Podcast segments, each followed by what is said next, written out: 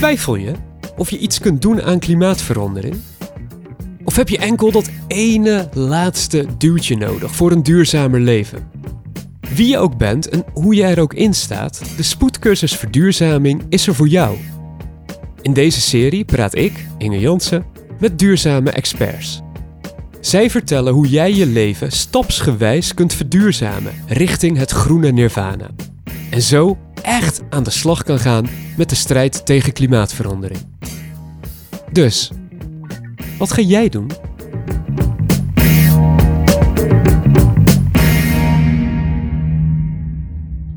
De wereld vergaat. Alles gaat mis. We zijn verdoemd. Ah! Toch? Ja, we hebben een zeer, zeer, zeer serieus probleem. Klimaatverandering, veroorzaakt door wat wij doen en laten, vindt plaats. De temperatuur stijgt, het weer wordt instabieler, diersoorten verdwijnen, de zeespiegel wordt hoger en het aantal rampen neemt toe. Absoluut. Maar dat betekent niet dat alles hopeloos is, want er is hoop. Echt.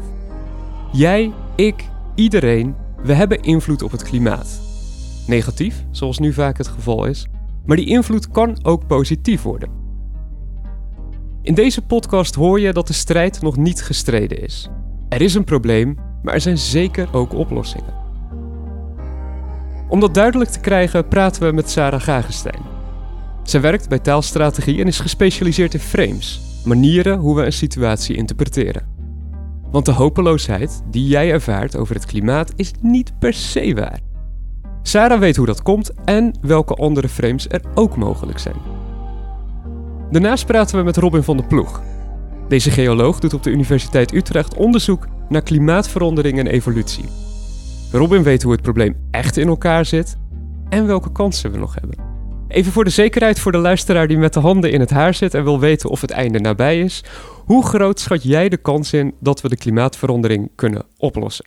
Dat verschilt een beetje per dag. Hè? Het ligt maar net aan welke, welke krant ik er op dat moment uh, voor mijn neus heb liggen. Hier, nu, een percentage, 0 tot 100. 100. Oké, nou dat is mooi. Robin, dezelfde vraag voor jou.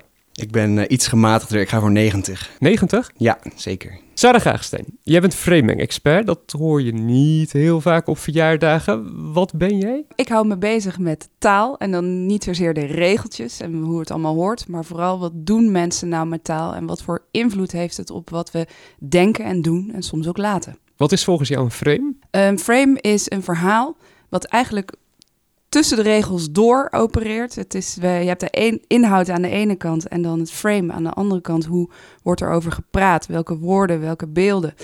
Uh, en wat voor associaties roept dat op? En wat voor handelsperspectieven? Wat, wat, wat zien mensen als problemen en als oplossingen? Wat is je favoriete frame als iemand zegt, hè, wat bedoel je? Oké, dat is toen de SP een nieuw woord bedacht voor hypotheekrenteaftrek. Je weet wel, dat heilige H-woord waar afgebleven moest worden.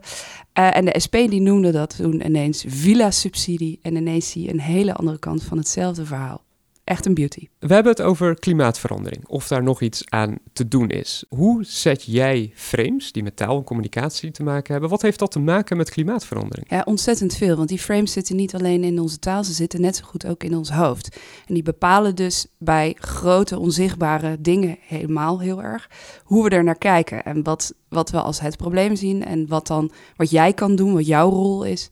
Uh, en of er überhaupt nog wat gedaan kan worden. Dus hoe negatiever het frame, hoe negatiever wij erin komen te staan, um, ook in wat we zelf kunnen doen. Kun je een aantal van die frames noemen die er bestaan over klimaatverandering? Eentje waar, die, die heel erg vaak terugkomt, uh, en ik hoorde hem jou ook gebruiken net in de inleiding, is een frame dat ik altijd een, een beetje cynisch het 5 voor 12 frame noemt. Namelijk, we staan aan de vooravond van destructie um, en het gaat allemaal mis als we nu niet ingrijpen. Het lastige uh, van dat frame is, want je snapt wel waarom mensen die gebruiken om de urgentie te laten zien. Maar het lastige van dat frame is, is dat het het probleem waanzinnig, waanzinnig eng en groot en urgent maakt. Maar de oplossingen vaak helemaal niet zo groot en meeslepend zijn. Dus daar zit ergens een waanzinnige mismatch. En we weten uit framingonderzoek dat als je mensen verschrikkelijk bang maakt, dat je ze ook een verschrikkelijk grote oplossing erbij moet geven. Ja, en zo werkt het niet bij dit onderwerp. Dus dan zie je dat mensen maar liever gewoon weer de gordijnen dichttrekken, terug in bed gaan liggen. Laat maar, help. Welke frames zijn er nog meer? Een interessante vind ik uh, er eentje uit een misschien onverwachte hoek. In het regeerakkoord zag ik uh, een, uh, een, mooie positieve noot over de energietransitie. En dat ging over dat we als we in onze eigen groene energie uh, investeren, veel minder afhankelijk zijn van die rare oliesheiks en die, het gas uit Rusland enzovoort. Nou, dan vlieg je het vanaf een compleet andere hoek aan. Hè. Dan gaat het niet meer over het redden van de wereld, maar uh, groene energie als, als oplossing voor iets anders waar een, uh, een andere groep mensen mee zit. En daarmee krijg je die oplossing dan ineens wel voor het voetlicht gebracht. Welk frame vind jij het meest irritant? Dat als je hem, als je hem hoort, dat je dan direct denkt: ah, niet die. Nou, dat 5 voor 12 frame heb ik moeite mee, omdat je ziet gewoon dat mensen afhaken. Maar een andere die, ja, waarbij ik ook gemengde gevoelens heb, maar dat is wel lastig, is het technologie gaat alles oplossen frame. Want het is een mooi optimistisch frame. Hoera, Elon Musk uh, gaat ons redden enzovoort. Alleen het zorgt er ook voor dat jij dus even lekker niks meer hoeft te doen tot die tijd. En dat zie je ook vaak dat mensen doorslaan van het compleet hopeloos naar het super optimistisch en zeggen het komt vanzelf goed. Maar ik hoef niks te doen in de tussentijd. Wat, wat we de laatste jaren heel veel horen, is alle dingen die we niet meer zouden moeten doen of niet meer mogen of die slecht zijn. Uh, dus uh, je kan je schuldgevoel, wat daardoor wordt uh, aangewakkerd, wel heel makkelijk weer afleggen op het moment dat technologie het voor je gaat oplossen. Wat kun je doen om jezelf te wapenen tegen frames? Is er een soort mindset die jij hebt als jij iets hoort dat je gelijk let op dit of dat, zodat je weet, ah, maar dat frame gebruik jij? Hoe ik dat zelf doe, is maar realiseren dat alles wat je hoort en alles wat je leest een perspectief vertegenwoordigt. En dat er altijd meer wordt overgedragen dan feiten alleen. En op het moment dat je je realiseert, hé, hey, dit is een verhaal maar er is misschien ook een andere manier om dit verhaal te vertellen. Dan krijg je weer wat meer keuzevrijheid in wat je wil horen en hoe jij zelf je eigen rol ziet. Waar je vooral op kunt letten, denk ik, is: hey, hoe wordt het probleem neergezet en past de oplossing daarbij? En zit ik erin zelf en hoe dan? En als ik niet in dit verhaal als personage voorkom, wil ik dat wel zijn? En welke rol kan ik dan zelf vervullen? Welk frame heb jij jezelf aangemeten voor het klimaatprobleem? Heb je altijd een dikke trui aan thuis en een douche heel erg kort? Nee, nou, dat, uh, ik douche wel kort, maar ik ben ook een koukleum. Nee, ja, ik, merk, ik heb zelf ook wel af en toe last van schuldgevoel. En af en toe heb ik ook een dag dat ik denk, uh, nou, misschien komt er wel een fantastische oplossing. Want weet je, al die, we hebben al die frames ook in ons hoofd zitten. En de ene dag is de een wat dominanter en de andere dag de ander. Alleen wat ik in ieder geval probeer is, en daarom zei ik ook 100%, we gaan het oplossen, is niet mee te gaan in die ultieme negativiteit en te denken, ik kan niks. Want als, als dat je conclusie is, en als dat de conclusie is die iedereen met elkaar gaat delen, ja, dan komen we niet vooruit. Maar het is een hele bewuste keuze die jij maakt dat jij innerlijk iets probeert te veranderen aan je standpunt. Ja, ik wil me niet te pessimistisch laten maken.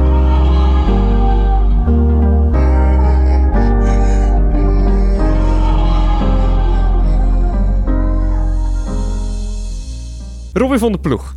Als geoloog promoveer jij momenteel bij de Universiteit Utrecht op klimaatverandering. Wat onderzoek je precies? Ik uh, onderzoek in het uh, verre geologische verleden, en dan hebben we het over miljoenen jaren geleden, wat de klimaatsomstandigheden waren en uh, hoe bijvoorbeeld verandering in de koolstofkringloop samenhangen met klimaatverandering. Wat we daar concreet aan hebben is dat het een perspectief biedt, een soort van wetenschappelijk frame eigenlijk op de veranderingen die we vandaag de dag ook zien in het klimaat. En we, we weten bijvoorbeeld dat in het verre verleden, dus miljoenen jaren geleden, dat het klimaat nog veel warmer was dan nu. En dat CO2-concentraties ook nog veel hoger waren dan nu. En door te kijken naar de snelheid van veranderingen toen, in het diepe verleden ten opzichte van nu, kunnen we inschattingen maken van de, de ernst van een eventueel klimaatprobleem. Kom maar met die inschatting. Hoe ernstig is het? Nou, we weten inmiddels dat het nu, in de afgelopen 100 tot 150 jaar, uh, sneller aan het veranderen is dan in alle afgelopen 65 miljoen jaar bij elkaar. Wauw, zo knap. Ja, dus dat is, het is gewoon een, een waanzinnige uh, orde van grootte verschil, zeg maar. Dus door alle menselijke activiteiten van de afgelopen 150 jaar... hebben we eigenlijk allerlei natuurlijke processen... die sowieso aan de gang zijn, extreem versneld. En uh, daardoor is eigenlijk alles in een soort van stroomversnelling terechtgekomen. Dat klinkt best hopeloos. Nou ja, het, het, is een heel objectief beeld wat we hier schetsen natuurlijk. Maar wat in ieder geval heel duidelijk is, is dat we de ver veranderingen echt kunnen koppelen aan menselijk handelen. En dat is aan de ene kant misschien hopeloos te noemen, maar aan de andere kant biedt dat dus ook een perspectief dat als je dat handelen verandert, dat je dus ook de, de veranderingen in toom kunt houden. Want het feit dat wij het veroorzaken, betekent ook dat wij het kunnen tegenhouden. Ja, absoluut. Alleen er zijn uh, vrij drastische uh, veranderingen nodig op globaal niveau. Het grappige is dat wat je doet als je het hebt over framen, dat onderzoeken hoe het historisch gegaan is, dat wordt heel vaak ook door klimaatopwarming ontkenners gebruikt om te zeggen: ja, dit gebeurt altijd. Soms wordt het warmer, soms wordt het kouder. Wat is daartegen in te brengen? Het is een heel vaak gehoord uh, tegenargument, inderdaad. Maar hun, hun denkfout is dat de, de achtergrondcondities uh, vaak anders waren in het verleden. Bijvoorbeeld heel veel mensen die voorspellen dat het binnen uh, de komende duizenden jaren weer een ijstijd gaat worden. Dat het uiteindelijk weer kouder gaat worden. Maar die mensen die vergeten dat uh, alle ijstijden van de afgelopen paar miljoen jaar plaatsvonden in perioden waarbij de CO2-concentraties veel lager waren dan nu. Dus eigenlijk de, de volledige bandbreedte waarin die ijstijden voorkwamen, daar zijn we nu al, al boven. En het is onwaarschijnlijk dat we met de huidige CO2-concentraties opnieuw naar een ijstijd kunnen gaan. Dus eigenlijk de, de afslag naar de ijstijd, die zouden we nu al hebben gemist, als je het zo zou willen zeggen. Nou, we kunnen nog steeds afstedentochten houden, want jaar op jaar kunnen er nog steeds strenge winters uh, voorkomen natuurlijk. Want het klimaat heeft natuurlijk ook een hele onvoorspelbare kant, waarbij er allerlei natuurlijke variaties zijn. Maar uh, wat, wat mensen echt, echt moeten realiseren is dat de, de totale uh, achtergrondomstandigheden uh, vaak in het verleden dusdanig anders waren. Dat als je alleen maar gaat cherrypicken op een, een bepaald aspect daarvan, dat je dus eigenlijk een, een, verkeerd frame neerzet. Als je zou mogen kiezen uit heel deze wereld die CO2 uitstoot en je zou één ding uit mogen schakelen, wat zou dan het belangrijkste zijn wat je zou willen zien gebeuren? Ja, dat is een hele tricky vraag. Precies, één ding. Ja, dan, dan zou het uh, toch zijn uh, dat we veel minder moeten gaan vliegen. Dit is, als je het hebt over framing, Sarah, natuurlijk wel een lastig ding. Want ik merk nu gelijk bij mezelf, ja, ik wil nog een keer naar Argentinië toe. Wat kun je daarmee? Want blijkbaar met het tegengaan van klimaatverandering horen ook vervelende dingen. En weet je wat je eerder ook al zei over de hypotheekrenteaftrek, dat dat een soort van uh, villa-subsidie werd. Nu voelt het tegengaan van klimaatverandering als het minder leuk maken van mijn leven. Ja, precies. En dat zie je ook terug in het woord consuminderen. Dus ja. niet leuk. Nee. Het is gewoon niet leuk. Kom meer. Ja, en daar gaat het ook vaak over. Hè? Wat er allemaal niet meer mag. Terwijl er wat, er wat het ook allemaal kan opleveren. Of wat voor bijzondere nieuwe ontwikkelingen er zijn die en klimaatneutraal zijn en ook hartstikke tof. Daar horen we toch minder vaak over. Dus natuurlijk zijn er dingen die we minder zouden uh, moeten doen of kunnen doen. Maar dat wil niet zeggen dat het leven minder leuk hoeft te worden natuurlijk.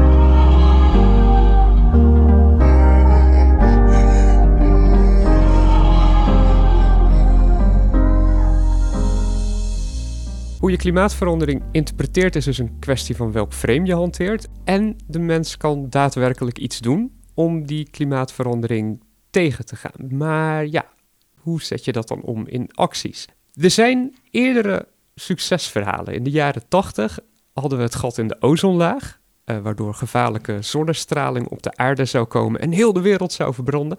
Uh, en zure regen, waardoor alle bossen zouden verdwijnen omdat er afvalstoffen in de regen zaten. Dat leken dus enorme problemen te worden en toen eigenlijk in korte tijd leken die opgelost te zijn. En iets soortgelijks zie je nu ook met de plastic soep. Die is er absoluut, het plastic afval in de oceanen, maar opeens heel de wereld maakt zich hier druk over. Sarah, kun je uitleggen hoe frames bij dat soort situaties een rol hebben gespeeld? Wat in deze drie dingen heel erg samenkomt, is dat het iets concreter wordt. Want klimaatverandering is een waanzinnig abstract ding. Het is zo groot, het is zo ver weg.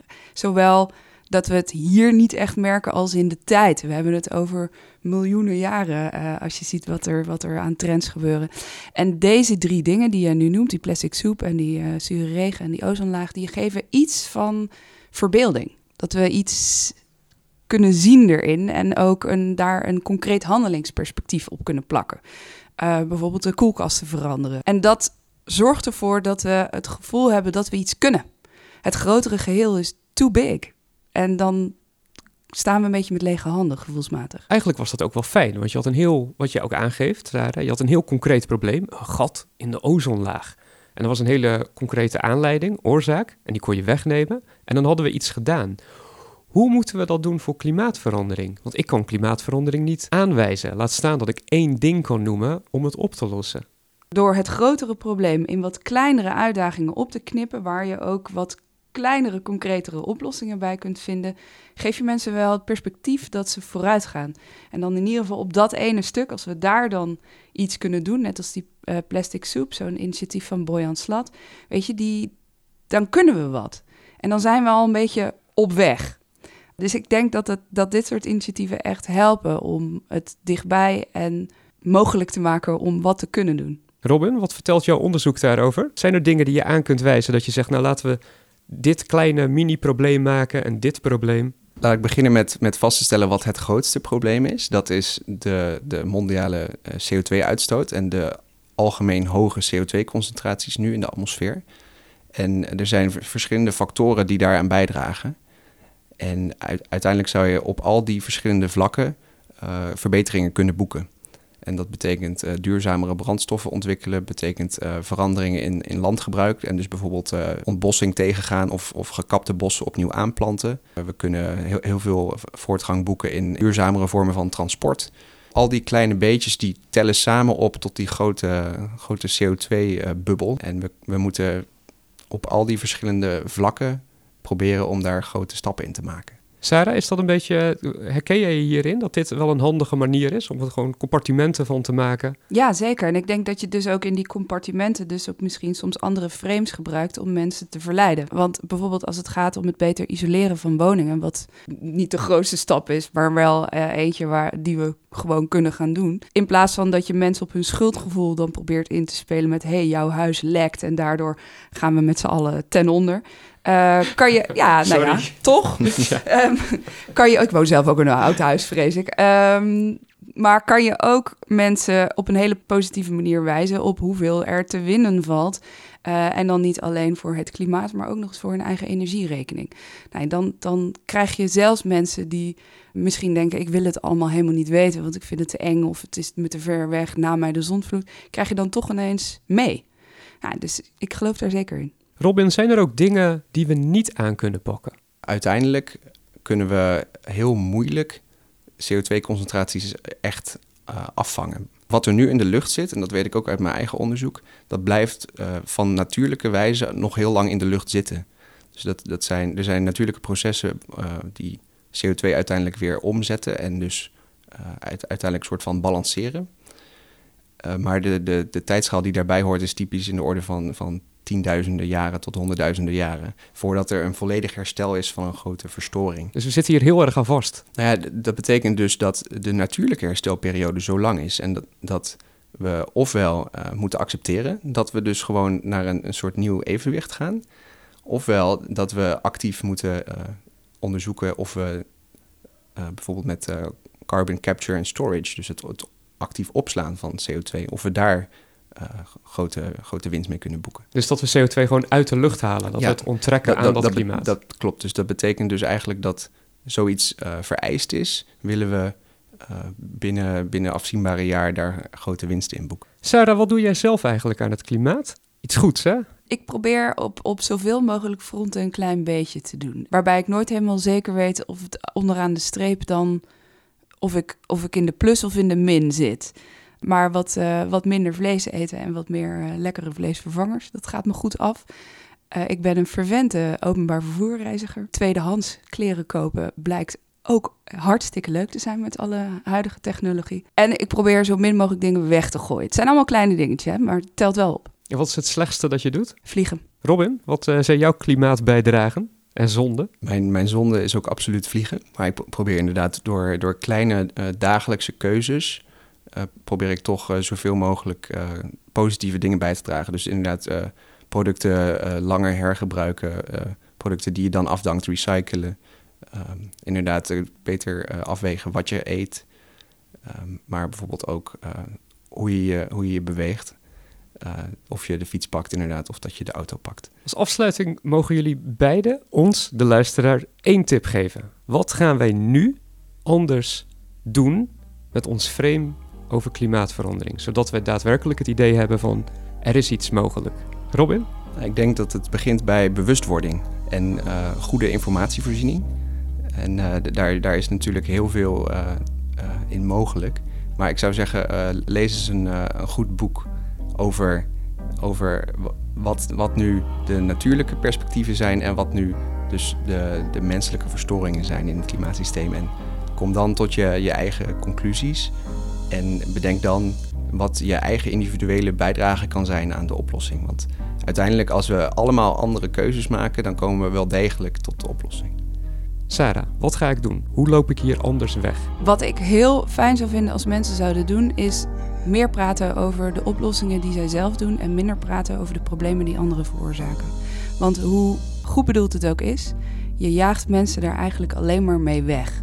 Dus zeggen hoe erg het is, is belangrijk, maar doe het alsjeblieft wat meer in je hoofd en wat minder hardop. Je luisterde naar de Spoedcursus Verduurzaming, een podcast van Anouk Burgman en Inge Jansen voor Vrij Nederland. De hele spoedcursus vind je op www.vn.nl/slash spoedcursus. Hier kun je ook de hoogtepunten per podcast bekijken als strip, gemaakt door Meili Nieuwland. Bovendien vind je op www.vn.nl/slash spoedcursus een quiz om te bepalen in welke duurzame fase jouw leven zich bevindt en welke aflevering van de podcast het beste bij jou past.